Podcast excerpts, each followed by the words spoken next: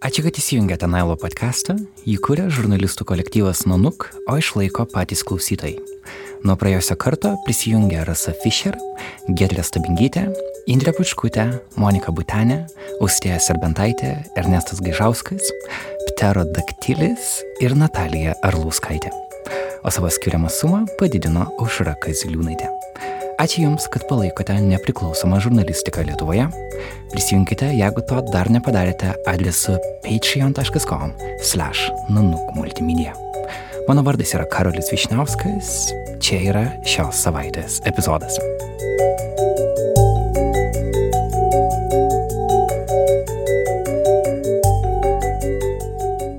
Šiandien, kaip dabar jau kiekvieno mėnesio pirmąjį antradienį, mes ruošiame Naila Update epizodą, kuriame kalbame apie globalią politiką. Ir šiandien mes kalbėsime apie Sąjungą, specifiškai apie Europos parlamentą.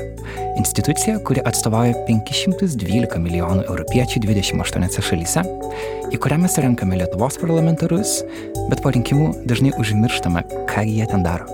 Šiandien bandysime tai pakeisti. Studijoje esu kartu su mūsų ekspertais Eglė Murauskaitė iš Merlendo universiteto ir Vilniaus politikos analizės instituto. Labas, Eglė. Sveikas, Karaliu. Ir taip pat su mumis yra mūsų naujas nuolatinis svečias Paulius Kritienas, Delfio apžvalgininkas, žmogaus teisų stebėjimo instituto tarybos narys. Labas. Sveikas, Karalius, sveiki, update klausytai. Uh, yra ilgas sąrašas temų, kalbant apie globalią politiką, apie kurias mes galėtumėm kalbėti, bet tam tikras temas mes prioritizuojame Ir šiandien mes norėjom kalbėti apie Europos parlamentą. Aš turiu pasakyti, kad tai yra mūsų pačių iniciatyva, tai nėra ES finansuojamas projektas, bet mes jautėme, kad apie Europos parlamentą reikia kalbėti nepriklausomai. Kodėl? Na, vienas dalykas, laikas yra labai palankus apie tai pakalbėti dabar, kad gal jau klausytojai pamiršo, kad Europos parlamento rinkimai vyko gegužę, o komisija Europos, kuriai formuojama atskirų procesų, darbą pradeda tik dabar. Tai yra gruodį, kai mes šnekame, kaip tik Ursula von Leyen perima, perima vairą. Bet iš kitos pusės, tai iš tokių labai savanaudiškų paskatų aš noriu apie tai pakalbėti, nes man atrodo, kad Europos parlamento tematika Lietuvoje yra nu, pristatoma taip dažnai labai biurokratiškai, labai su daug skaičių, statistikos, formalumų ir sistemos. Ir man pačiai dažnai tiesiog ap, apsiblaustas žvilgsnis ir, ir atsijungęs smegenis, beklausant e, kokiu nors reportažu ar bandant paskaityti ką nors apie tai. Tai aš norėčiau, kad jeigu, jeigu mūsų klausytojai perklausę šį epizodą pagalvos, kad, o, Europos parlamentas įdomu, nežinojau, norėčiau sužinoti daugiau, tai aš manau, kad bus wow. Nes tau tai yra įdomu. Nu, man gal tai, kaip sakyt, man tai atrodo svarbu, Taip. bet labai sunku yra tą pateikti įdomiai ir aš pati, kai, kai įriuosi per informacijos jūrą, tai daug tos informacijos yra tokios, nu, labai sunkiai suvirškinamos. Tai važiuojam. Pakalbėkim pirmiausia apie rinkimus.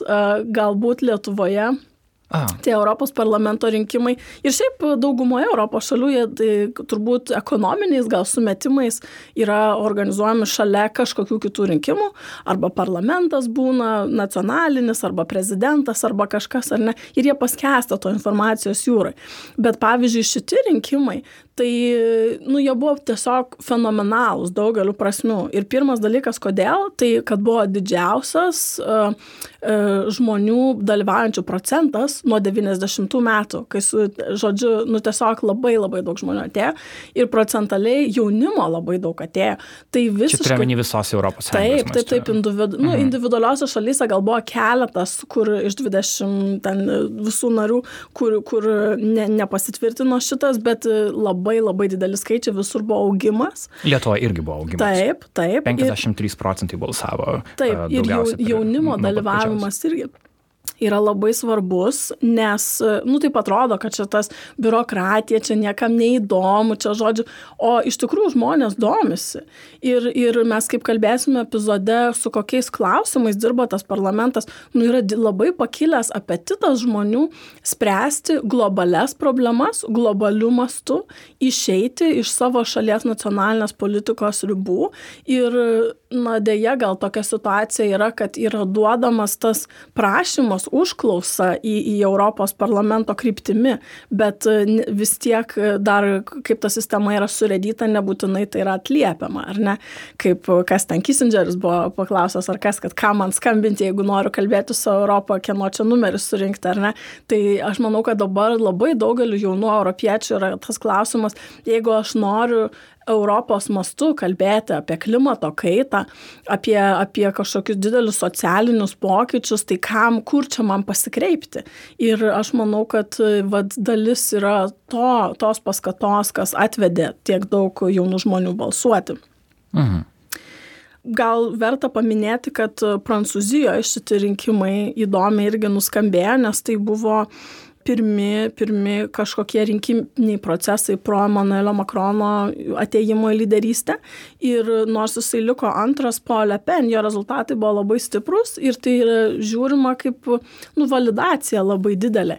Ir sakykime, dabar apskritai Emanuelis Makronas yra iškilęs kaip ir toks Europos lyderis, kai anksčiau, jeigu mes matydavom, e, matydavom Vokietijos kanclerę visą laiką toj, kaip sakant, prie vairalasdės, tai dabar dabar mes matom Prancūzijos lyderystę ir, ir tie balsai, ir, ir, ir jų vietos parlamente Europos, ir, ir agendos formavimas, tai irgi yra signalas šito.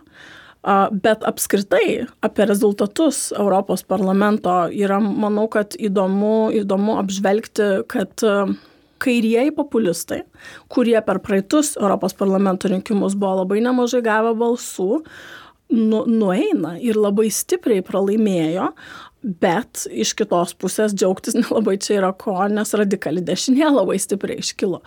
Tai įdomus tokie sviravimai iš vienos pusės, bet iš kitos, nu toks ir dvilipumas, ar ne? Kaip, mm. kaip aš sakau, kad tie vat, jauni, jauni žmonės nori spręsti didelius klausimus Europos mastu, išeiti iš to vat, E, savo valstybių ribų, bet yra ir toks tas dešinys radikalizmas, toks e, nativizmas, gal lietuviškai, nativizm, ar ne, kad tai net ne nacionalizmas, o toks su ksenofobijos elementais, ar ne, kad, kad ne, mums nereikia tos Europos tokios didelės ir yra labai didelė dabar euroskeptikų frakcija atėjusi tai čia gal į minusą, bet į pliusą, kad praktiškai visi euroskeptikai, kurie dabar yra išrinkti Europos parlamentą, jie nebenori, jie nebenori savo šalies exit ar ne, po, po breksito visi praktiškai yra pakeitę retoriką, kad jie nori dabar jau likti ir formuoti tą Europos politiką iš vidaus mm. kažkaip tai, ar ne? Ir pamatė, kai, kur realiai tas mm -hmm. exitas veda. Pajuto ekonominis kosmelis šiokį tokį.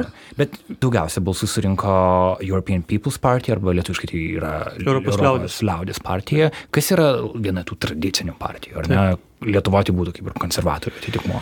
Taip, iš esmės, kalbant apie Europos parlamentą, aš truputį stripsiu, yra trys tos pagrindinės uh, tradicinės jėgos. Tai yra Europos liaudės partija, kuri stovauja konservatyves ir krikščioniškas demokratinės jėgas.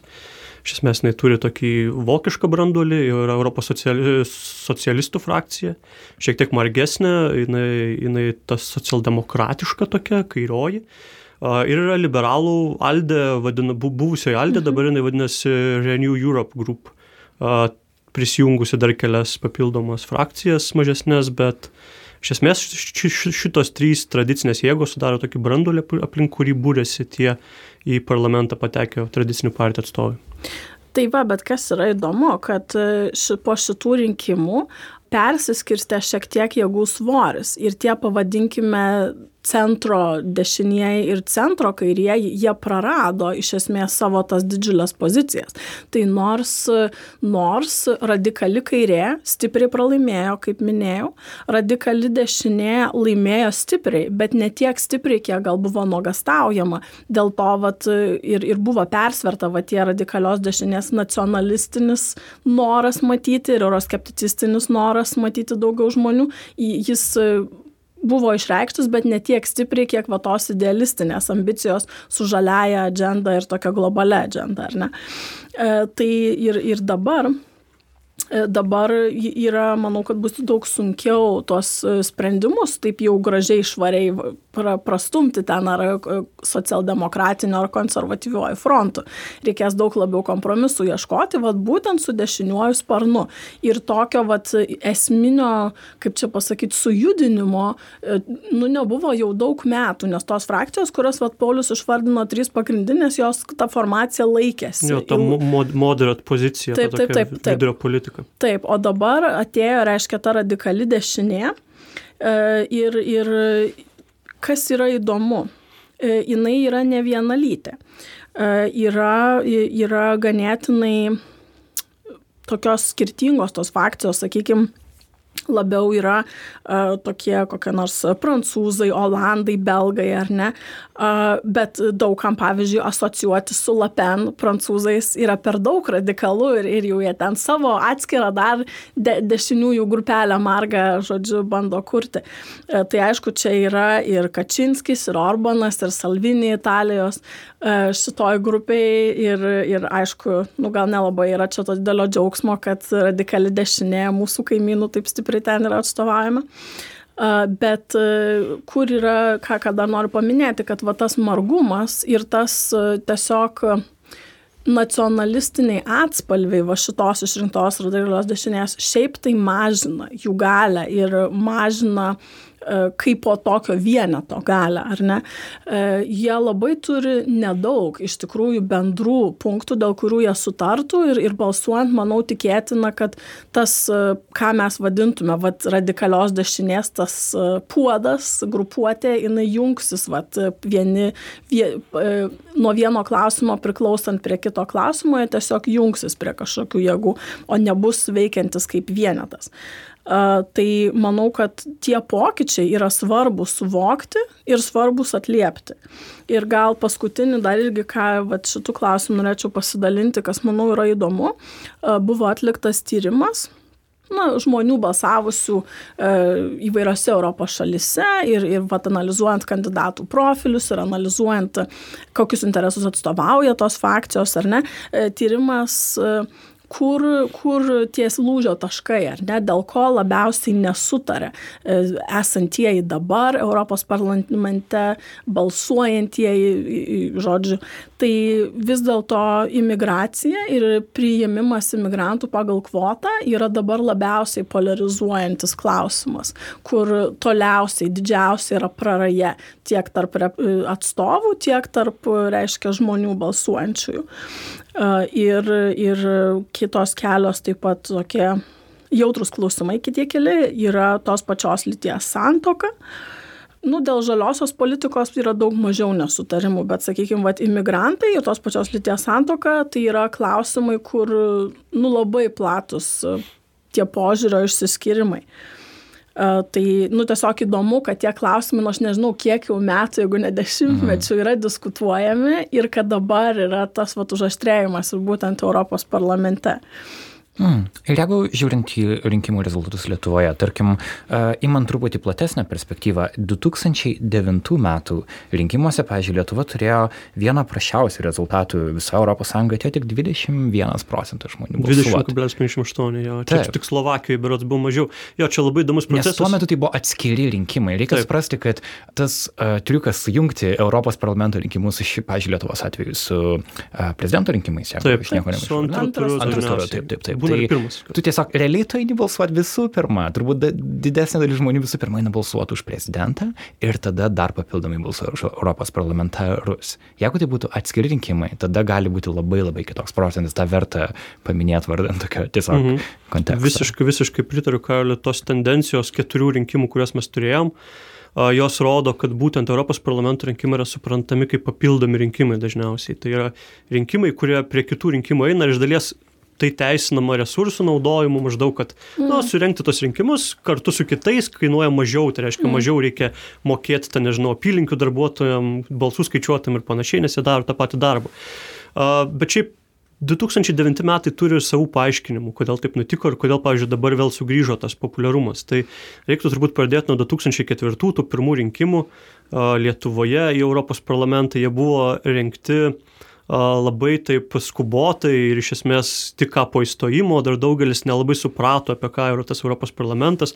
Net tai labai matosi iš rinkimų kampanijų, tarkim, ką siūlė tuometinės partijos, dalyvavo 12 partijų ir iš esmės jų visų šūkiai buvo susiję su tokia Lietuvos politinių naratyvų kažkokiu, tarkim, darbo partija, kuri laimėjo šitos rinkimus ir tai buvo didžiausia pergalė apskritai Europos parlamento rinkimuose Lietuvoje, nes jie gavo penkis mandatus, tuo metu Lietuva turėjo 13 mandatų. Tai jų iš esmės šūkis ir siūlymas buvo, kad mes išsiųsime Europos parlamentą ne politikus, o profesionalus, mhm. specialistus, kitaip sakant. Tai Viktoras Uspaskik tuo metu kalbėjo apie specialistų komandą. Ir beje, toks įdomus dalykas, jeigu mes pažiūrėtumėme tos penki žmonės, kurie atstovavo uh, Lietuvą Šarūnas Birutis, Danutė Budreikaitė, Arūnas Degutis, Jolanta Dičkutė, Ona Juknevičianė. Tai iš esmės Šarūnas Birutis tik dar kažką turbūt sako tiem, kas domisi politikais. Taip, kiti, jis buvo kultūros ministru, jo visos kitos ir visi kiti, jie nuėjo į tam tikrą užmaištą arba pastraukė iš politikos, tai tie specialistai taip ir neprigijo tam Europos politiniam laukia.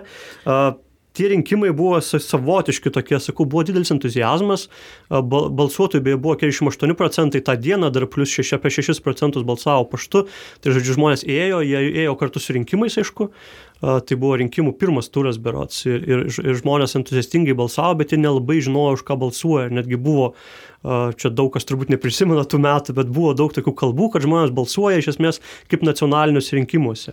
Ir tas darbo partijos pergalė buvo būtent dėl to, kad tuo metu jinai buvo populiari, o tos tradicinės partijos buvo gerokai pasmukę. Bet tai, Pauliu, tai nėra kažkoks tai toks išskirtinis nei tų metų, nei Lietuvos fenomenas. Daugumoje šalių, daugumoje Europos parlamento rinkimų, tai nu, yra važiuojama ant kandidatų nacionalinių asmenybių ir kažkokios nu, globalesnės tokios agendos tie kandidatai paprastai aš nesiūlo. Pritariu, aš pritariu, aš tik turiu omeny tai, kad bent jau tendencija, apie kurią aš plačiau kalbėsiu, yra tai, kad tradicinės partijos dažniausiai lengviau surenka balsus arba jų tas elektoratas būna labiau konsolidavęsis tose rinkimuose, bent jau tai rodo uh, Lietuvos statistika. Taip, bet taip. Lietuvoje tada gal čia yra išimti su tradiciniam partijom, taip. nes paprastai kaip tik vat, Europos mastu tai visokie marginalai taip, taip, taip, judėjimai yra labiau linkę prasiskinti kelią, nes, žodžiu, Europos parlamento tie rinkimai yra laikomi kaip E,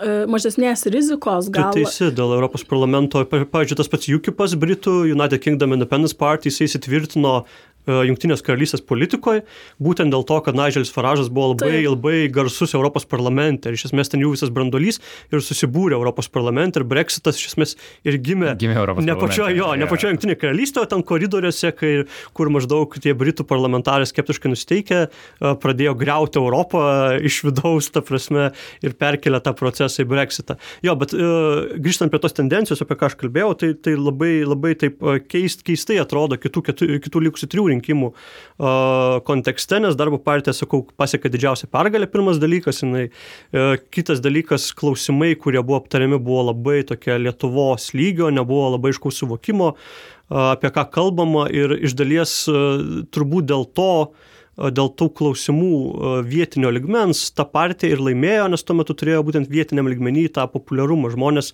rinko atstovus, galvodami, kad tai yra mūsų ne, Seimo, rinkimų, Seimo rinkimų kažkoks tesinys arba jų preliudija. O kaip manai, šiemet buvo kitaip, šiemet 19 metų rinkimuose? Ar žmonės jau turi tam tikrą europinį kampą rinkdami europarlamentarus Lietuvoje? Yra to, aš prie to peršoksiu dabar nusekliai, jo, aš prie to peršoksiu nusekliai, dar, dar, dar, dar keletas dalykų ir niuansų, kurie labai svarbus yra tai, kad uh, tie pirmi Europos parlamentarai patekę Uh, jie turėjo tokią pakankamai, tokį pakankamai rimtą iššūkį asocijuoti savęs būtent su tom europiniam frakcijom, kurios irgi kintančios yra ir, tarkim, Tevinės sąjungai Lietuvos krikščionių demokratam buvo lengva glaustis prie Europos liaudės partijos tuometinės uh, frakcijos, nes jie save suprato kaip konservatorius krikščionis demokratus, socialdemokratam buvo lengva prie socialistų, bet tarkim darbo partija arba valstiečiam ir naujosios demokratijos tuo metu platformai, jiem reikėjo ieškoti savęs ir maždaug galvoti, tai kur čia dabar maneit pagal pažiūras, nes tokių frakcijų kaip valstiečių Europos parlamente nėra, jiem ten šiuo metu jie prie žaliųjų, bet tuo metu, tarkim, Gintaras Didžiokas, jisai nuėjo į sąjungą už tautų Europą kas yra iš esmės euroskeptikai. Tai tuo, tuo metu valstiečiai save asocijavo labiau su euroskeptikais, mm. kas dabartiniam irgi turbūt požiūrėje būtų, būtų visai, visai artima. Tai čia tas pirmas toks iššūkis buvo tom Lietuvos populistiniam uh, partijom, kurios neturi aiškaus tradicinio tokio, tokios aiškios tradicinės išraiškos, afiliacijos, atrasti savo kažkokią naują brandolį ir, tarkim, darbo partija nuėjo į Aldę, tai yra liberalus. Realiai socialiai konservatyvi partija, kurioje turbūt dauguma pasisako prieš įvairiausių mažumų teisų gynimą arba ten įvairiausius liberalius sprendimus išskyrus ekonomiką, mokesčius, jie nuėjo į Aldę, nes tiesiog jiems pasirodė turbūt, kad jų ekonominė programa yra naudinga, bet turbūt tas matymas per ekonominę prizmę irgi šitą pasako sako apie partijos prioritetą. Devinti metai ir čia tie neaktyvūs rinkimai, irgi 12, 12 narių kandidatavus ir čia jau pasirodė vat, būtent tendencija, kuri vėliau išaiškės. Tai yra dvi pirmaujančios partijos yra Tevinė sąjunga ir socialdemokratai jie renka daugiausiai, Tevinė sąjunga gavo keturis narius, socialdemokratai tris. Tas mažas aktyvumas irgi prisideda prie to, reiškia, ateina balsuoti žmonės, kurie suinteresuoti, kad išrinktų uh, jų kandidatus ir va, tokia irgi tendencija, kad jau pradeda kartotis. Aišku, žmonės jau renka tuos pačius narius, jau jie mato kažkokį testinumą arba jie mato kažkokį politiką kaip Europos parlamento atstovą, tarkim, Vytautas Landsbergis išrinktas dar kartą, Justas Vincas Paleckis socialdemokratų gretose.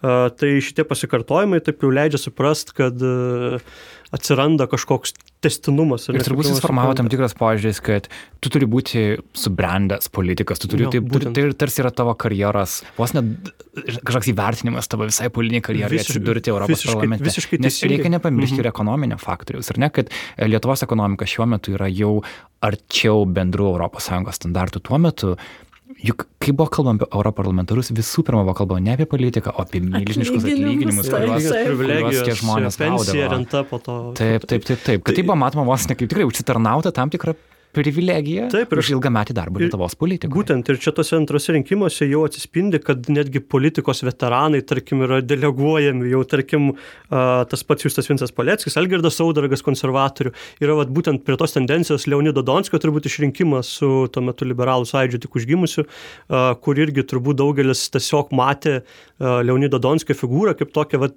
vat jis šitas žmogus nusipelnęs ten būti, jisai maždaug čia bus jo karjeros nuojas laiptelis, jis gerai atstovaus Lietuvą. Tai jau jau nebėra specialisto siuntimas, kaip tai buvo, tarkim, renka darbo, darbo partijos narius, tai jau yra kažkokio tokio žmogaus, kuris lyg ir turi papildomą pridėtinę savo vertę ir savo asmenybę sukuria vertę. Tada 14 metų rinkimai, juose aktyvumas, būtent juose įvyko tas pokytis, jie sujungti su prezidento rinkimų antrų turu, kuriame Dalia Grybauskaitė nugalėjo Zygmantą Balčytį. Čia vėlgi vienintelis turbūt toks sensacingesnis dalykas, kad tuo metu po krizinių laikotarpių konservatoriai išlaikė savo uh, lyderystę, jie labai nedaug, bet aplenkė socialdemokratus, kas nebuvo prognozuota, nes tuo metu buvo tas labai didelis įniršis ant naktinės mokesčių reformos ir kitų dalykų ir pasirodė būtent, kad tos tradicinės partijos visgi laiko Europos parlamento rinkimuose uh, tokią į savo, savo iniciatyvą nors nedaug tų narių, bet tarkim tiek Tevinės sąjungos du nariai, tiek socialdemokratų du nariai, tiek liberalų du nariai ir toliau jau po vieną visų kitų partijų. Ir kaip viena iš sensacijų, beje, 14 metais buvo Ramūno Karbauskio išrinkimas, tuo metu Lietuvos valstiečių žaliųjų sąjunga buvo traktuojama kaip tokia nedidelė partija. Ir buvo vėlgi labai daug diskusijų, ar čia įsės ar ne, įsisiuntė vietosios Brony Ropė. Dar vienas dalykas turbūt paminėtinas, kad e, Gabrielius Landsbergis, čia toks irgi įdomi, tendencija, tapo partijos pirmininku.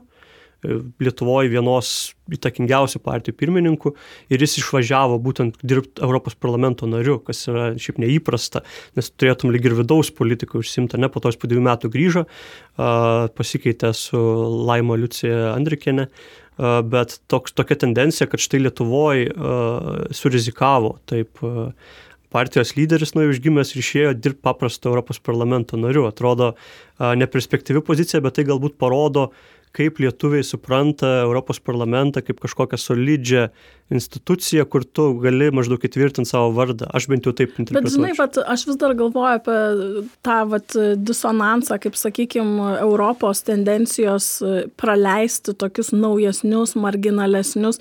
Nu, neatrodo man, kad Lietuvos rinkėjų tai būtų taip jau nenaudinga. Vis tiek tų mažų po vieną balselių prisigraibo vardai, kurie nėra labai gerai žinomi. Tai man rodos, kad ta tendencija tokios, nu, kaip ir atlaidžiau žiūrėjimo norėjimo tarsi su paklaida norėjimo duoti tenais žmonėms yra jinai ir Lietuvoje.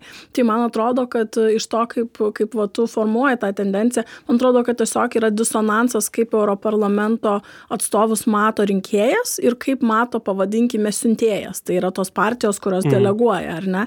Kad e, aš tai nežinau, ar rinkėjų vidutiniam atrodo, nu kaip sakyt, jeigu būtų laisvė pasirinkti iš visų esamų, ne, už ką mes norėtume deklaruoti, aš nemanau, nemanau, kad būtinai sutaptų. Va tas va prestižo, kažkokio užsitarnavimo elementas, gal čia labiau yra susiję va su partijos politika ir su ta va politinės mašinos skirstimu. Man atrodo, kad žmonėms tai va čia yra toks, ai, nu pabandom šitą. Yra dalis, tai. to, yra dalis to nepaisait reitingavimų, iš tikrųjų egzistuoja ta, tas dalykas, bet vėlgi yra ir tokių atvejų, kai partijų valia yra nuneigiama rinkėjų balsais. Pavyzdžiui, Viktoras Uspaskikas nebuvo pirmas pasirinkimas, ten buvo Vidas Gedulas, man atrodo, buvo darbo partijos sąraše, bet rinkėjai pakėlė Viktorą Uspaskiką ar ne iki, iki to Europos parlamento posto. Tai vadinasi, rinkėjai vis tiek mato kažkokius politikus kaip arba ryškesnius lyderius, arba geriau atstovaujančius ten tariamą jų interesą. Bet vat, būtent Viktoras Uspaskikas, tai jisgi nėra tų tradicinių partijų atstovas, taip. tai jis, aš tai jį priskirčiau prie tokių marginalų taip, irgi, taip, tai taip. tai man, kuo mes toliau kalbam, tai laiką, man atrodo, tuo labiau aiškėja, kad nu, ta Lietuvos išimtis numanoma gal labiau yra paviršinė, kad gil, Čia gal skiriasi, Agle, kad tu laikai tokiais marginalais, o kas Lietuvoje laikoma įsitvirtiniais politikais. Pavyzdžiui, Uspaskikas Lietuvos um, kontekste, mano man manymu yra tarsi įsitvirtinęs politikas su marginaliom pažiūrom. Su, sunku vadinti marginalų buvusio ministrą. Jis irgi buvo išrinktas, ar ne? Jo, jo. Uh, Europarlamentaru. Gal apie pažiūras, čia labiau apie pažiūras, gal yra ne apie, ne, ne apie asmenybės. Taip, taip, taip. Aš, aš gal irgi užbėgdamas už akių savo vieną iš išvadų, bet turbūt, kad tu vedi mane prie jos, tai pasakysiu, kad Lietuvoje visgi, apgindamas tą savo tai hipotezę, Lietuvoje tradicinės partijos visgi išlaiko savo populiarumą parlamento rinkimuose, žiūrint tai, kiek iš jų atima euroskeptiškos partijos nes Lietuvoje euroskeptikai absoliučiai e, pralaimi visose rinkimuose, čia šokant prie 19 metų, irgi 19 metai e, šitie rinkimai buvo ypatingi iš tikrųjų ir apie juos verta daugiau kalbėti ir, ir čia ne tik dėl to, kad mes čia susėdom pakalbėti, bet ir apskritai verta daugiau panalizuoti, e, nes, nes pasikeitė visa, visas formatas, atsirado visuomeniniai sąrašai ir konkrečios asmenybės. E, sėkmingiausia turbūt iš tokių asmenybių Užra Malikienė, Užras Malikienės traukinys, jinai absoliučiai kaip nepriklausoma kandidatė išsikėlė, gavo vieną vietą. E, Valdemaras Tomaševskis irgi panašių principų lygirėjo, bet pripažinkim, už jo visgi stovi partija, nors jis ėjo kaip lyg ir toks nepartinis Valdemaro Tomaševskio blokas ir ten partija, bet visgi jis turėjo tam tikrą paramą. Tai šitie, šitos asmenybinės grupės, jos išėjo, jos praėjo tą 5 procentų barjerą, bet visgi lyderiauja tie patys konservatoriai ir socialdemokratai. Valstiečiai, nepaisant to beje, kad yra valdantieji ir kad planavo laimėti šitas rinkimus, gavo tik dvi vietas. Bronis Ropė ir Šarūnas Mačiulionis, kurį dabar pakeitė Stasys Keliūnas. Tačiau toks irgi įdomus aspektas, kad nepaisant valstiečių to dominavimo, jiem nepavyko perlūžti tos tris metus jau galiojančios Tevinės sąjungos socialdemokratų viršūnėlės tokios. Tai va, o ta tendencija euroskeptikų, apie kurią čia Eglė užsiminė, tai Lietuvoje kažkaip visiškai nepavyksta, nepaisant to, kad Europos parlamento rinkimai lyg ir yra puikiai terpė kai lyg atrodytų, kad rinkėjai turėtų surizikuoti. Nes jeigu... Nu, ir Vitautas Radžilas labai tikėjosi, manau, kad tai, jie surizikuos. Tiek Vitautas Radžilas, tiek apskritai prieš tai tautininkų bandymai, jie baigdavosi surinkimu 1-2 procentų neperžengimo net to, tokios ribos. Tai čia tokia įdomi, įdomi, įdomi statistika ir man atrodo, jinai koreliuoja su tuo ES tyrimu, kuriame lietuviai yra labiausiai pasitikintis, ar ne ES kaip, kaip dariniu ir labiausiai norintis, kad išliktų ir matantis vertę. Tai aš manau, manau, kad lietuviai visgi, nepaisant visų tų tokių euroskeptinių nuotaikų populiarių ir tose komentaruose tokių griežtų pasisakymų, jie išlaiko tą europinį optimizmą. Gerai, ir kelios išvados, kurias aš galiu padaryti ir perėjimas prie turinio, ar ne, tai, ką mes norim iš tikrųjų pašnekėti, tai kad lyderiauja ir vyrauja, nepaisant įvairių afiliacijų, trijų frakcijų Europoje atstovai, tai lietuvių, lietuvių daugiausiai duoda Europos liaudės partijai, tai yra konservatoriams narių, socialistų frakcijai ir Aldai, tai yra mhm. liberalams. Mm. Tai žodžiu, lietuviai abs, absoliučiai šiuo požiūriu yra tokie tra, tradicionalistai, tradicinių partijų rinkėjai Europos parlamento požiūriu, sąmoningai ar ne, mes galim ginčytis. Konservatoriai ir liberalai, labai įdomus dalykas žiūrint jų darbus, labai didelį dėmesį skiria ir, pavyzdžiui, pagaliau atstovavimus komitetus, užsienio politikai ir žmogaus teisės teisėm. Net, pavyzdžiui, Vytautas Landsbergis išrinktas pirmą, e, pirmai kadencijai, jisai buvo žmogaus teisų komiteto irgi narys, nors atrodo nėra toks labai, ta prasme, tiesiogiai žmogaus teisų gynėjas, aišku, žymus politikas, kuris gal platesniam lygmenį veikiantis.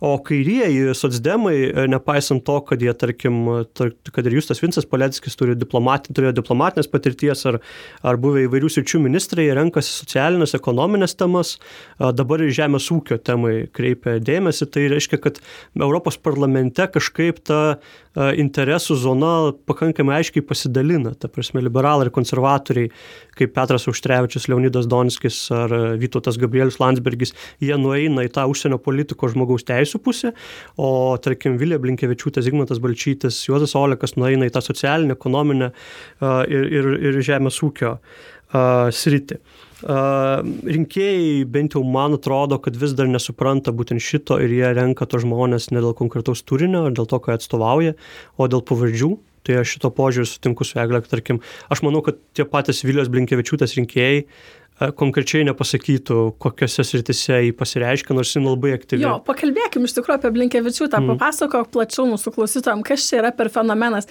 Ar, nu, pavyzdžiui, man tai yra įdomu suprasti gerai. Blinkevičiūtą mes kaip jau ir didžiuojamės nacionaliniu mastu, nes jinai tokia aktyvi ir ją vis perenkam ir kaip čia viskas fainai. Ar tas aktyvumas realiai duoda kažkokių rezultatų, ar tai yra deklaratyvinis kalbėjimas? Ir ar tai, kad jinai yra aktyvi posėdžiuose, pavyzdžiui, ar mes galim ką nors spręsti apie jos veiklą užkulisiuose, nes realiai, nu, parlamente, bent jau mano supratimu, didysis darbas yra paruošiamieji darbai, dėrybos, susitikimai, o, ne, o jau posėdžiuose, ką mes pamatom, tai jau yra rezultatas. Mhm. Tai ar koreliuoja jos reali veikla ir politinis svoris Europarlamente su, pavyzdžiui, tiesiog statistiniais pasisakymais? Nu, čia truputį sudėtingas klausimas, nes kai tu sakai, kaip yra užkulisiuose, tai čia turbūt gali pasakyti žmogus, kuris buvęs ilgiau užkulisiuose negu man man tekę porą kartų pabuvoti, ar ne? Bet man atrodo, kad iš dalies yra tiesos tame, kad tu sakai, šiaip Vilija Blinkevičiūtė yra praėjusios kadencijos aktyviausia Europos parlamento narė ir jinai iš tikrųjų... Tik... Lietuvoje ar apskritai? E, ne, ne, Lietuvoje, bet Aha. ir apskritai jinai yra aktyviausiųjų penkisdešimtukose netgi buvo įvairiais, įvairiais ir pasisakymais, ir savo dalyvavimu. Žodžiu, jinai labai aktyvi yra, jinai pasisako labai daug klausimų nuo, tarkim, moterų teisių iki ten pensijų lyginimų ir panašių dalykų. Uh, tai žodžiu, jos aktyvumas yra išreikštas tam tikromis kiekybėmis ir jeigu pažiūrėtumėt uh, mapranking.eu, tai surastumėt ten ją, kad ir šiemet jinai yra vien, vienintelė kol kas jau dalyvaujanti ataskaitos ruošime ir jos pristatymė. Bet klausimas, kokie yra konkretūs darbai ir ką jinai galėtų pateikti kaip, tarkim, Lietuvos interesų atstovavimo arba kaip aišku konkretų darbą, ką įgyvendina, tai iš tikrųjų yra geras, nes man atrodo, kad jos tas deklaratyvus pasisakymai ir aktyvus dalyvavimas yra iš esmės toks entuzijazmo ir noro parodyti, kad yra daug veikiama pavyzdys, bet vėl tada nu, galim taip, taip, taip einant kel klausimą, kiek apskritai Europos parlamento narys gali nurodyti savo konkrečią veiklą, nes man atrodo, kad pats parlamento principas yra toks, kad jis daugiau reprezentuoja idėjas ar dalyvauja tam tikrose komitetuose, siūlymus daugiau ne tiek teikia, kiek juos grindžia ir neargumentuoja. Tai... Na nu, gerai, bet tai vis tiek, man atrodo, yra šioks toks skirtumas, jeigu lyginant, pavyzdžiui, vat, kaip minėjai, bronių ropę, ar ne, kuris Taip. ten iššoka su deklaratyviais grinai pranešimais ir, sakykime, mojuoja tą vėliavą ar čia Lietuvos, ar kažkokios tai kažkokio klausimo, kad va, aš jį keliu, ar čia, va, va, čia Lietuva kalba, ar ne. Ir yra žmonės, kurie turi realų politinį svorį, tai kurie formuoja komitetą komitetuose agendą, kurie, kurie kelia klausimus ten ir kurie dėrybinių pozicijų ieško suderinimo, tai sakykim, nu, čia galbūt reikėtų klausti tokių žmonių, kaip tu ir sakai, kurie giliau dirbę yra tuose užkulisiuose, bet vat, man kartais atrodo, kad Lietuvoje yra toksai biški mitas, kad va dar apie Blinkevičiūtę ar apie Gabrielių Landsbergį, va kalbant, ne, kad o, Landsbergis, Landsbergio rezoliucija, ar ne, mm. bet, bet tas jų realus politinis svoris, man atrodo, kad jis yra kitais matais matuojamas ir, ir nu, kitur pajaučiamas ir kaip galėtų rinkėjas geriau suvokti mūsų diplomatų pajėgumą ir kaip juos mato kiti ten dalyvaujantis diplomatai. Uh, galiu aš trumpai čia įstarpti irgi, iš, man klausimas irgi yra, atrodo labai aktualūs, nes uh, gliniai uh, stebint skaitiškai, ar ne, jeigu yra 751 parlamento narys, Lietuva Taip. turi 11 europarlamento narių, tai tu galvoji, realiai, ką tu gali padaryti? Tu esi nuolatinėje mažumoje ir arba tu eini į didesnės koalicijas ir galbūt mes manydame individualiai per vieno, vienas asmenybės, mes niekada nieko nelaimėsim, nes, na, aš, netaip veikia. Aš gal matau sistema. požiūrėje, kad e, atstovaujama Lietuva. Man atrodo, kad Europos parlamentas veikia principu, kad Lietuvos interesą tu gali ginti, bet tu žaidži jau kaip vienas žaidėjas. Mhm. Ta prasme, šiuo požiūriu Europos parlamentas pasitelkiant sporto analogiją, jis yra ne komandinis, ne futbolas, ne krepšinis, jis yra tenisas labiau, kur tu išeini ir žaidži maždaug atskirais klausimais. Tarkim, Vilė Blinkevičiūtė šiuo metu yra užimtumo ir socialinių reikalų komiteto pirmininko pavaduotoja. Tai būtų komiteto pirmininko pavaduotoja yra šis tas, pripažinkim. Tai nėra komiteto pirmininko pozicija, tai aišku nėra kažkokia lyderiaujanti pozicija parlamente, bet tai reiškia, kad... Lietuvai tai labai gerai. Taip, tu jau, tu jau turi tam tikrą ar ne atstovavimą darbo atvarkį ir tarkim Petras Užtrevičius yra delegacijos ryšiams su Afganistanu pirmininkas, kas irgi yra šis tas, bet tai, tai rodo jų tam tikrą ar ne reputaciją, taip, tai taip. rodo įdirbį, kad jie buvo tam tikrų raportų rengėjai, ataskaitų vadinamųjų. Tas pats Gabrielis Landsbergis įsirengė ataskaitą santykiams su Rusija kas tuo metu būtent, aš kiek, kiek, jeigu gerai prisimenu, nenoriu dabar sumanuoti, jis buvo paskirtas dar neprasidėjus berots tam pačiam įkarščiui karo Ukrainoje. Mm -hmm. Bet tas, ta, ta ataskaita labai tapo svarbi tada, kai, kai buvo svarstamos sankcijos ir panašus dalykai. Tai aš manau, kad tam tikri konkretus darbai parodo labiau ne Lietuvos interesų atstovavimo, kiek mūsų politikai yra pajėgus dalyvauti tam aukščiausiam lygmenį ir žaisti su... Dėl Blinkevičiūtės dar priminsiu, kad 17 metais jinai buvo moterų teisų ir lyčių lygybės komiteto pirmininkė, Taip, būtent. kas buvo turbūt didžiausias pasiekimas Europarlamentaro Lietuvoje. Taip, tai vad, manau, kad čia, čia yra tie svorio tikrieji matai, o ne statistika, kiek kartų kas, kas iššokia ten. Ir taip, Pauliu, manau, kad labai geras yra pastebėjimas, vad irgi, e, ką, ką ir aš kalbėjau pradžioje, ar ne, noras vat, nacionalizmo ir, nu, šiuo atveju Lietuvos, ar ne, reprezentavimo ir noras kalbėti apie didesnius, didesnius klausimus transnacionaliniu mastu, ar globaliu, ar regioniniu, ar ne.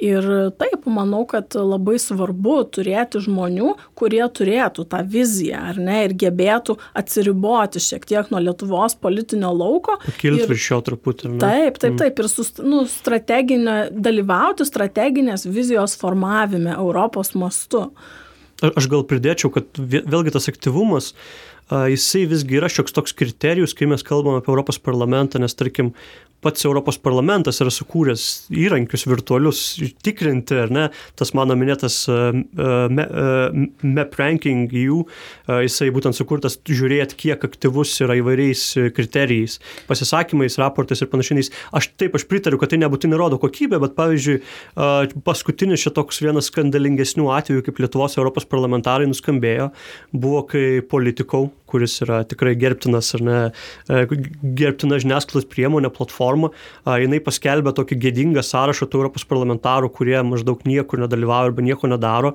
Tai vienas iš jų buvo konservatorius Algirdas Saudargas, kuris nuo 2011 iki 2014 metų niekarto nepasisakė viešai ir apskritai ten jo dalyvavimas jo buvo. Keturis metus. Taip, ir pa paskui jis ne vieno klausimo nepasisakė ir vos porą kartų, vėliau vos porą kartų dar kalbėjo ir pateikė dvi, dviejose ataskaitose savo, man atrodo, parašą padėjo, galima sakyti taip. Nepaisant to, kad turėjo 17 padėjėjų padėjėjų ir, ir, ir dvi įmonės, kurios ten irgi aptarnavo tą visą padėjų korpusą, ar ne. Tai, tai kai Lietuva patenka į tokią, ir, nu, ta prasme, Lietuva patenka tokiu klausimu į Europos lygmenį, į politiko lygmenį, tai man atrodo, kad visgi tas aktyvumas atsiperka tam tikrais, ta, ta, tam tikrais momentais, nes pavyzdžiui, tas pats Valdemaras Tomaševskis, jisai pagal lankomumą lyg ir yra vienas geriausių narių, bet tuo, tuo, tuo pačiu metu jo aktyvumas ir konkretus darbai yra nu, praktiškai nuliniai, ta prasme jis ten pagal pasisakymų viešų skaičių gale yra. Tai, tai tas aktyvumas vien dėl reprezentatyvios parlamento principo reprezentatyvus parlamento, jisai šitą pasako, pripažinkim. Tam, kad tu būtum girdimas ar tam, kad tu pasisakytum, uh, reikia turėti tam tikrą kompetenciją ir, ir reikia būti tam tikro komiteto gerbtinų asmenių. Man tai, Pauliau, atrodo toks, kaip čia pasakyti, smagi tokia, smagus ironiškas toks momentėlis, kad mes atkreipiame dėmesį į savo atstovus europinių lygmenių per politiko. Nes aš labai atsimenu kitą atvejį, kai buvo gegužės mėnesį beros tas straipsnis, kad reiškia Lietuvos atstovai yra tarp keleto kitų šalių kartu su Lenkija, kurie ten reiškia reiškia stabdo visas dėrybas dėl klimato progresyvesnių, reiškia priemonių kovoti su klimato kaita. Nu ir kilo čia baisus ažiotažas, kurio smaigalyje buvo, kaip mūsų užsienio reikalų ministerijos PRas leidžia, kad tokie straipsniai eitų. Bet ap, apskritai, vat, po, po politiko tokių rezonansinių straipsnių lietuviai atkreipia dėmesį. Na, nu, tai čia yra jo, ten kažkas ja. kažką daro. Čia yra provincialumas, čia yra baimė, ką pagalvoja Europos ponas, žinai, apie mūsų ten išsiųstą Seimo narį. Tai, taip, kodėl mes nepagalvojam galim iki to, taip, kol politika neparašė. Tai... Kodėl niekas iš Lietuvos žiniasklaidos apie tai nerašė būtent. patys, nes iš tikrųjų, nu, Pauliu pats esi anksčiau dirbęs taip. 15 minučių naujienų portale. Taip. Įsivaizduoju, kad Europos parlamento temas redaktoriams įsiūlyti sudėtinga turėjo būti, nes turbūt ir statistika skaitomumo nebuvo. Ne, visiškai. Aš tiesą sakant, vieną esu daręs būtent tokį apžvalginį straipsnį, kuriame patikrinau būtent įvairias statistikas ir, ir užklausiau, ką, ką daro tie Europos parlamento nariai. Tai taip jis buvo toks priimtas kaip, okei, okay, mes padarėm tai, bet tai nėra labai populiaru, todėl kad turbūt Europos parlamentas yra suprantamas kaip toks, nu, ne, ne, neaktualus dalykas, nesavas, neartimas, ne, Gerai. per distanciją. Tai kodėl jis yra savas ir artimas? Tai va, jis turėtų būti. Tai pakalbėkim dabar iš tikrųjų apie praktinius sprendimus, kur, kurie, sakykime, galėtų žmogui parodyti realiai, nu tai kokia nauda, ar ne, ką jie, ką jie ten susitarė.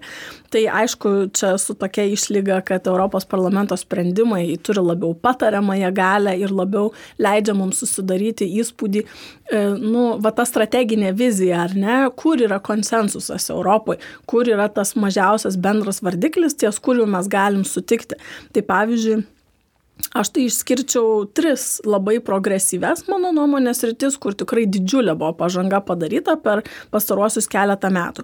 Tai pradėkime nuo srities, pavyzdžiui, skaitmeniniai sprendimai, kur gal lietuviai daugiau bus girdėję apie mm. tai, tai reiškia roamingo efektyvus, efektyviai buvo panaikinta roamingo tarifai. Tai, kad jeigu tu nu, nuskrendi Junkinę karalystę, tu nemoki brangiau už skambučius. Tai būtent, būtent buvo perėjimo, perėjimas per keletą metų padarytas, bet reiškia tie, tie tarifai te, telekomunikacijų komunikacijų ir internetų suvienodinami jau yra dabar praktiškai. Šitą pajutė visi. Taip, taip. Tai dabar kitas yra projektas, apie kurį, man atrodo, gal mažiau žmonės žinojo, tai vadinasi Wi-Fi e, for EU, kai reiškia 6000 bendruomenių gali aplikuoti į fondus, e, kad įrengimui nemokamų Wi-Fi taškų.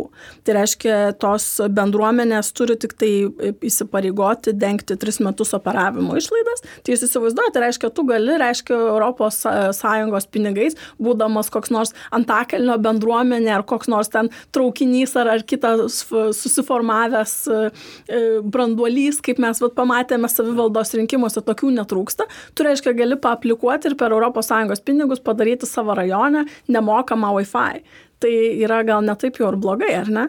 Kitas, kita vat kategorija yra žali sprendimai. Tai čia irgi, manau, yra labai tiesiogiai juntama kova su plastiko maišeliais. Jau tikrai daug apie tai yra ir kalbama.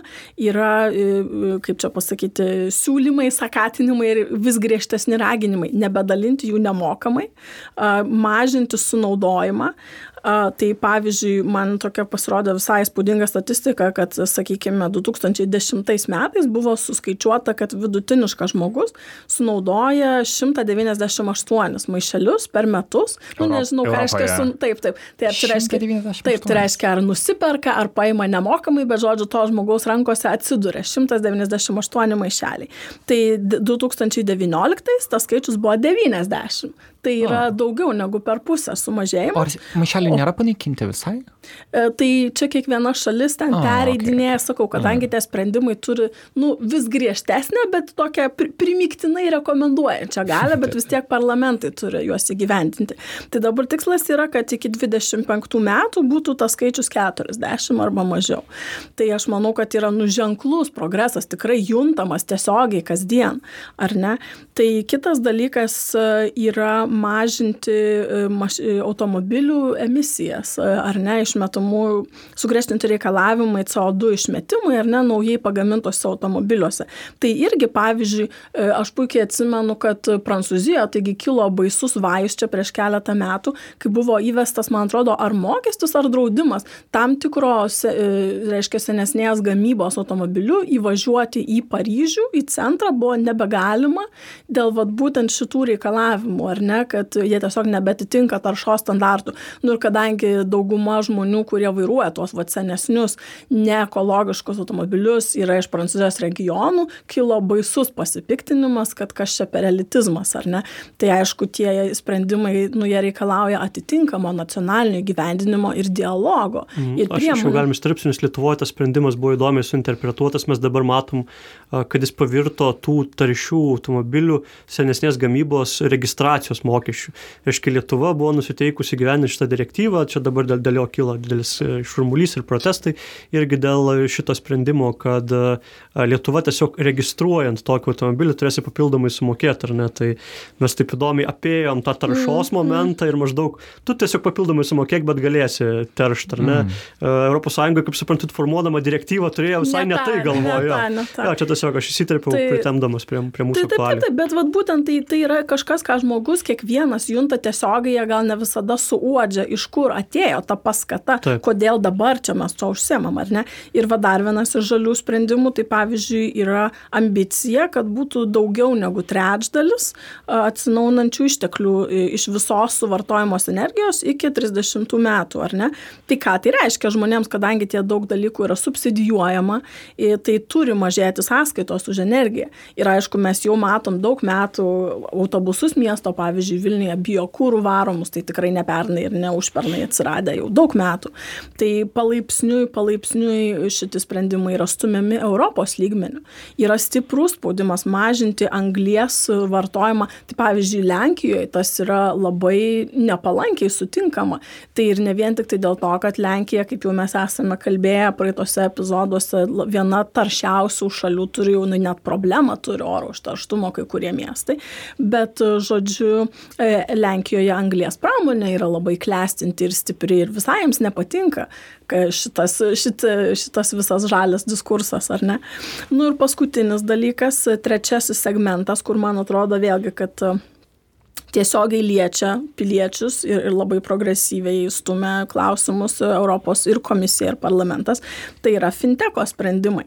Tai pavyzdžiui, vienas dalykas toks gal, nu, labiau toks tiesiog įdomus faktelis, kad bankinių transakcijų yra apmokestinamas, standartizuojamas visoje Europoje ir, ir aiškiai parašyta. Tai tas čia bankai iš transakcijų mokesčių daugiausia už, užsidirba.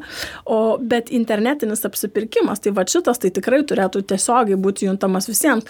Kas nėra patyręs, pakelkite ranką, kad jeigu tu tam pačiam Amazon, pavyzdžiui, jungiasi prie Amazon UK, Amazon DE arba Amazon US, tu matai skirtingas kainas ir skirtingas prekes.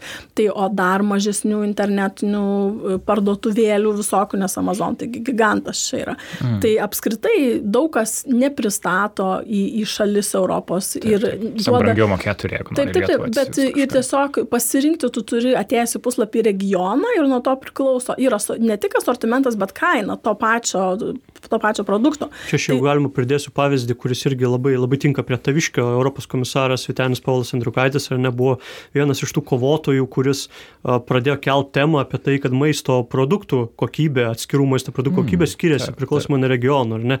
Ir irgi taip pat rytų Europoje, centrinė Europoje teikiama lyg ir prastesnės kokybės maisto produkcija. Tai irgi yra toks dalykas, kur irgi ES užsiema tuo ir gali reguliuoti jo. Ta prasme, tai, tai žodžiu, taip, taip, taip labai, labai kasdieniai dalykai. Ja. Taip, taip, tai ir tiesiog juntama, tai, tai va, tai jeigu galvojate, kad norėtumėte nusipirkti, nežinau, Doc Martens batus lietuviškame website, jeigu norėtumėte tas pačias prisijungti prie vokiškų ar prancūziškų kažkokių internetinių kosmetikos parduotuvių, kompiuterį nusipirkti už, už tą pačią kainą kaip vokietis tūlas arba, arba ispanas.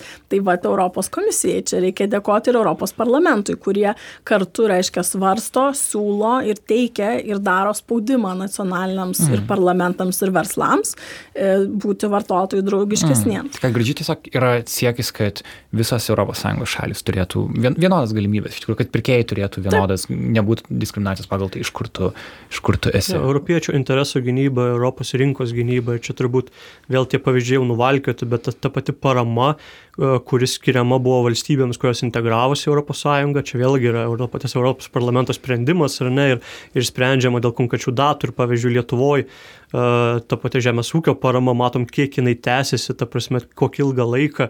Čia gal mums atrodo, kad tas dienos eina, bet ta prasme, šiaip tai jau apie du, du, du, dešimtmečius mūsų įvairių sričių rinkų atstovai gauna tam tikrą būstą, taip vadinamą, ar ne, e, papastumėjimą iš ES pusės, kad, kad jie galėtų lygiavertiškai konkuruoti tos rinkos sąlygom. Ir tikrai būtent Europos parlamentas yra tas, kuris bent jau stengiasi apginti tą paprastą vartotoją, paprastą gamintoją ir išlyginti visų Europoje konkurencijos ribas. Tai šito požiūriu gal daugelis to nemato, bet jeigu mes galvojame apie mūsų net valstybės funkcionavimą elementarų, tai labai daug kas priklauso nuo ES sprendimų ir kiek jinai sąmoningai, racionaliai ir užbėgdama įvykiams už akių žiūrėsi tam tikrus procesus. Kaip tarkim duomenų apsauga ta pati, kur irgi... O, taip, taip, taip. Arba ES iškris su Apple, ar ne, su, su Facebooku tuo pačiu, ar ne, įvairiausi, įvairiausi konfliktai. Tai vėlgi ES yra tas moderatorius, kuris gina visų vartotojų teisės. Mes dažnai kažkaip traktuojam tos ES ginčius arba tos diskusijas Europos parlamente kaip neturinčias aiškaus kažkokio intereso Lietuvoje, bet visą tai paliečia mus. Vien jau tas sprendimas, tarkim, kur daugelis turbūt susidūrė, kad dabar einant į, į, į amerikietiškus ypač tinklapius, tau reikia paspausti sutikimą dėl domenų perdavimo, tu vadinamų kukis ar ne, kuris irgi ES, ES parlamento sprendimo dėka įsigyvendino ir jis gina irgi tuos vartotojus nuo tam tikro domenų pasisavinimo ir panaudojimo. Tai, tai va tokie bendriniai dalykai, kurių mes susidurėm kasdien, bet nepamatom Europos parlamento diskusijų metu. Taip, tai turbūt, kad e, baigiant, e, manau, kad e, verta tikrai pastebėti, kad mes šiaip tai nesam čia kokie nors populiarintojai ar eurofederalizmo, ar, ar kažkaip tai apskritai nemojuojame Bruselio vėliavą, bet man atrodo tiesiog labai verta atkreipti dėmesį, kad A, tai yra dideli klausimai, lietai judantis, strateginiai, bet yra bendrai ir liečiantis visas šalis ir konkrečiai kiekvieną vieną žmogų ir, ir ieškoma konsensuso. Ir laikas tikrai pradėti žiūrėti, ką mes deleguojam ir su kokia pozicija prie stalo spręsti tų klausimų, ar energetikos, ar žaliųjų klausimų, kurie, vad, gamtosauga, aplinkosauga, ekologiškumas, kuriuos beje Ursula von Leyen deklaravo kaip, nu, prioritetą savo kadencijai, kokius mes žmonės siunčiame ten dėrėti šitais klausimais. E, o kitas dalykas, kad atskaitomybė ir, ir noras pasidomėti tikrai dažniau negu kaip politiko parašo, e, ką ten tie lietuviai veikia, kaip jiems ten sekasi, kokie klausimai ar ne. Tai aš labai tikiuosi, kad mūsų klausytojai gal šiek tiek bus pamotivuoti, pakelti popierius, Google atsiversti ir, ir kažkaip tai aktyviau, aktyviau įsitraukti šitą procesą, kuris liečia jūs šiaip ar taip, ar jūs domitės ar ne. Mm, aš, aš gal dar pridurčiau, kad man atrodo Europos parlamentas labai nematomas ta prasme, kad jis formuoja visą Europos politikos naratyvą. Tai yra tai, kuriais Europą po dešimtmečio ar kelių dešimtmečių, kur tuo pačiu bus Lietuva, ko, kokia bus, nežinau, tiek nuo, individu, tiek nuo individo teisų situacija, tiek iki verslo, verslo teisės situacija, visa tai lemia būtent dabartinės diskusijos Europos parlamente ir kartais per tą jų tokį abstraktumą ir, ir to teoretiškumą nėra pamatoma ta didelė įtaka, kurią jos turės vėliau. Ta prasme, tai nebūtinai bus gera įtaka, tai gali būti ir bloga įtaka, bet reikia tai sekti, reikia būtent antrinant egliai, reikia galvoti, kokius žmonės mes siunčiam, nes tarkim atskirais klausimais mes matom, kad yra žmonių, kurie pasisako, tarkim Lietuvos pozicija aš pastebėjau, užsienio politikos prasme yra labai gerai ginama Europos parlamente, ir yra daug kalbų apie Rusijos grėsmę, yra daug rytų partnerystės skatinimo, yra daug skatinimo sankcijų Rusijai dėl jos agresijos Kryme ir Ukrainoje bet kitais klausimais mes kažkaip neturim tos pamatinės pozicijos ir mes tiek, tiek kiek nediskutuojam pas save apie savo valstybės ateitį dešimtmečio laikotarpį, taip mes neįsiunčiam tų žmonių, kurie gebėtų pakalbėti apie Europos ateitį dešimtmečio laikotarpį. Aš galbūt džiaugiuosi, kad bent jau dabartiniai rinkimai išrinko bent keli, keli žmonės, kurie kalbėjo apie tai, tarkim, mm. tą patį Užramą Likienę, mm. ne, jinai bandė diskusiją pakelti tą lygmenį, kas bus po dešimtmečio, jinai dabar, tarkim, užsiema Katalonijos klausimų, kas irgi yra toks originalus dalykas Lietuvoje, ar ne, kur, tarkim, žmogus, uh, Lietuvos politikas domisi, vat, būtent Ispanijos klausimų. Bet jeigu tu pagalvotum apie tai, kaip Lietuva aktyviai atstovauja, sakykime, Ukrainos teritorinį Taip. vientisumą, tai tada atrodo labai natūralu. Tas Andrius Kubilius ir Saiknevičius dabar kūrinės klausimas. Taip, taip, taip, bet aš turiu omeny, kad čia yra tas pats, nu kaip sakyti, teisinė, teisinė taip. prasme yra taip, taip, labai taip. artimi tie klausimai, kas apsprendžia teritorinį vientisumą, kur yra taip, legitimų separatistai, kur kažkieno finansuoti. Tai gal nėra taip jau nuostabu ir aš manau, kad labai gerai, kad, kad mes turime to. Ja, tai aš, aš džiaugiuosi ir sakau, aš tik skatinčiau žmonės rinkimų metu būtent atkreipti uh, dėmesį į tos žmonės, kurie kalba apie globalius ir europinio ligmens dalykus, o ne Taip. kaip buvo 2004-aisiais, kai išsiųsim specialistus, kurie pakels pensijas Europai.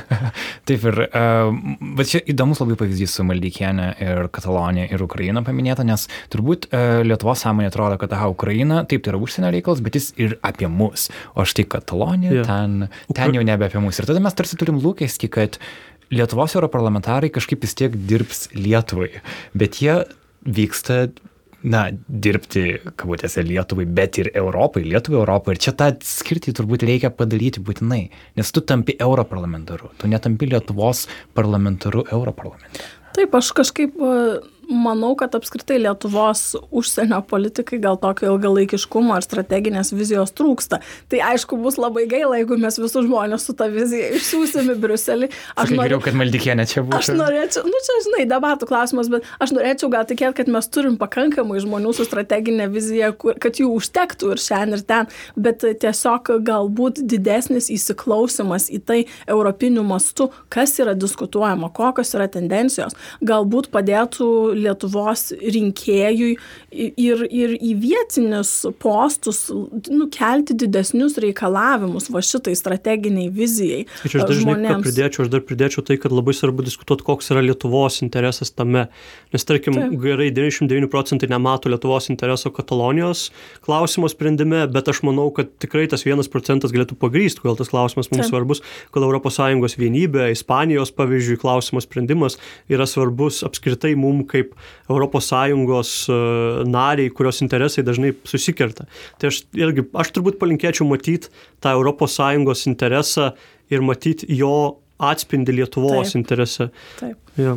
Tai mhm. šią džiugę gaidą gal ir baigime mūsų epizodą, kuris visai nefinansuojamas nei Europos parlamento, nei komisijos. Ir netgi nėra finansuojamas politika, nors rekomenduoju jį e, skaityti, nes Lietuva niekas neturi Briselėje euro, kaip čia, euro korespondentą. Linas Balsys, beras pačioje pradžioje, kai tik Lietuva įstojo, buvo LRT korespondentas, dabar man atrodo ne viena redakcija. Yra retkačiais nuvažiuojantis. Bet... Yra nuvažiuojančių, bet nėra nuolatinių. Ir tai šitą pasako mm. irgi. Nanuktė irgi neturi kol kas. Um, bet turim už teglę su Paulium aptarti čia Vilnišas reikalus. Ačiū Jums.